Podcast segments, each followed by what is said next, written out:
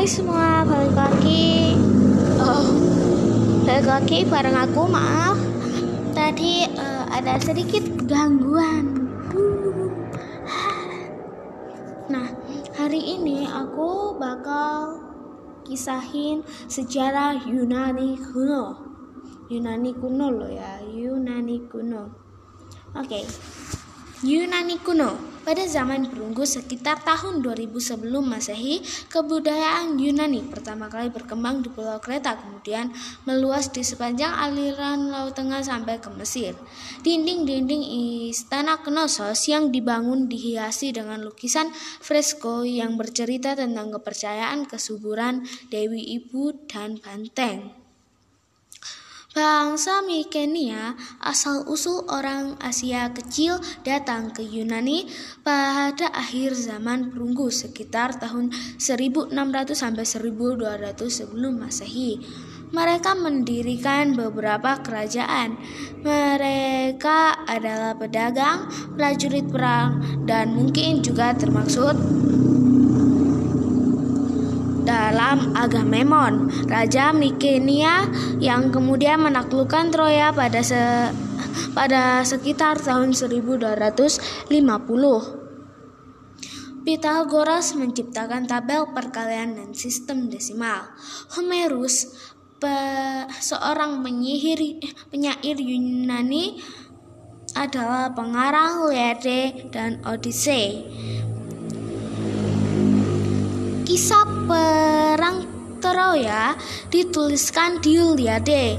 Digambarkan bahwa Ulysses memasuki dan merebut kota yang dipergunakan sebagai tempat persembunyian para prajurit Yunani. Kota Polis berkembang pada masa dinasti Arkais. Polis terdiri dari beberapa desa atau beberapa pecahan kota kecil. Polis mengatur warga negara dan tentara pada masa itu dan bangsa Yunani bertempat tinggal dan menyebarkan budaya mereka di sepanjang Mediterania. Setiap polis dijaga oleh seorang dewa. Warga negara memberi penghormatan kepada mereka di dalam sebuah candi yang dibangun di sekitar Akropolis. Menurut kepercayaan orang Yunani, dewa-dewa tinggal di puncak Gunung Olympus. Setiap dewa bersatu bisa dengan langit, dengan tanah, atau dengan laut, dan mereka mempunyai tugas sendiri-sendiri. Zeus paling berkuasa adalah bapa semua dewa dan pelindung umat manusia. Athena dan Sparta adalah kota-kota dominan antara kota-kota dominan. Athena membangun dasar-dasar demokrasi de dewan memberikan hak pilih bagi setiap warga negara. Di Sparta, para pemuda dididik dengan tujuan menjadi seorang seorang atlet handal menjadi seorang atlet handal. Anak laki-laki sudah dilatih menjadi tentara sejak berusia tujuh tahun.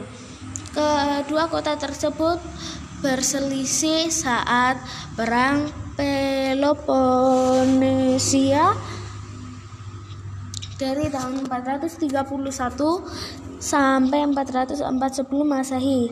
Akhir dari dominasi Sparta dimulai sejak tahun 371 sebelum Masehi. Tebes yang dijadikan ibu kota negara, kota-kota yang lain menentang keputusan itu sehingga menimbulkan peperangan. Orang Makedonia di utara Yunani dengan Filipi II sebagai pemimpinnya mengambil kesempatan ini untuk memperluas dominasi ke seluruh negara. Filipi II dibunuh pada tahun 336 sebelum Masehi dan anaknya Alexander Agung menggantikannya. Ia menumpas Tebes yang memberontak dan pergi menaklukkan Persia. Ia mendirikan kekaisaran yang luas dari Adriatik sampai Indus. Ia meninggal di Babilonia pada usia 33 tahun. Nah, itu tadi sedikit informasi dan sejarah tentang Yunani kuno. Mungkin untuk selanjutnya aku nggak bakal bahas tentang Yunani kuno, tapi tentang sejarah-sejarah dunia lain.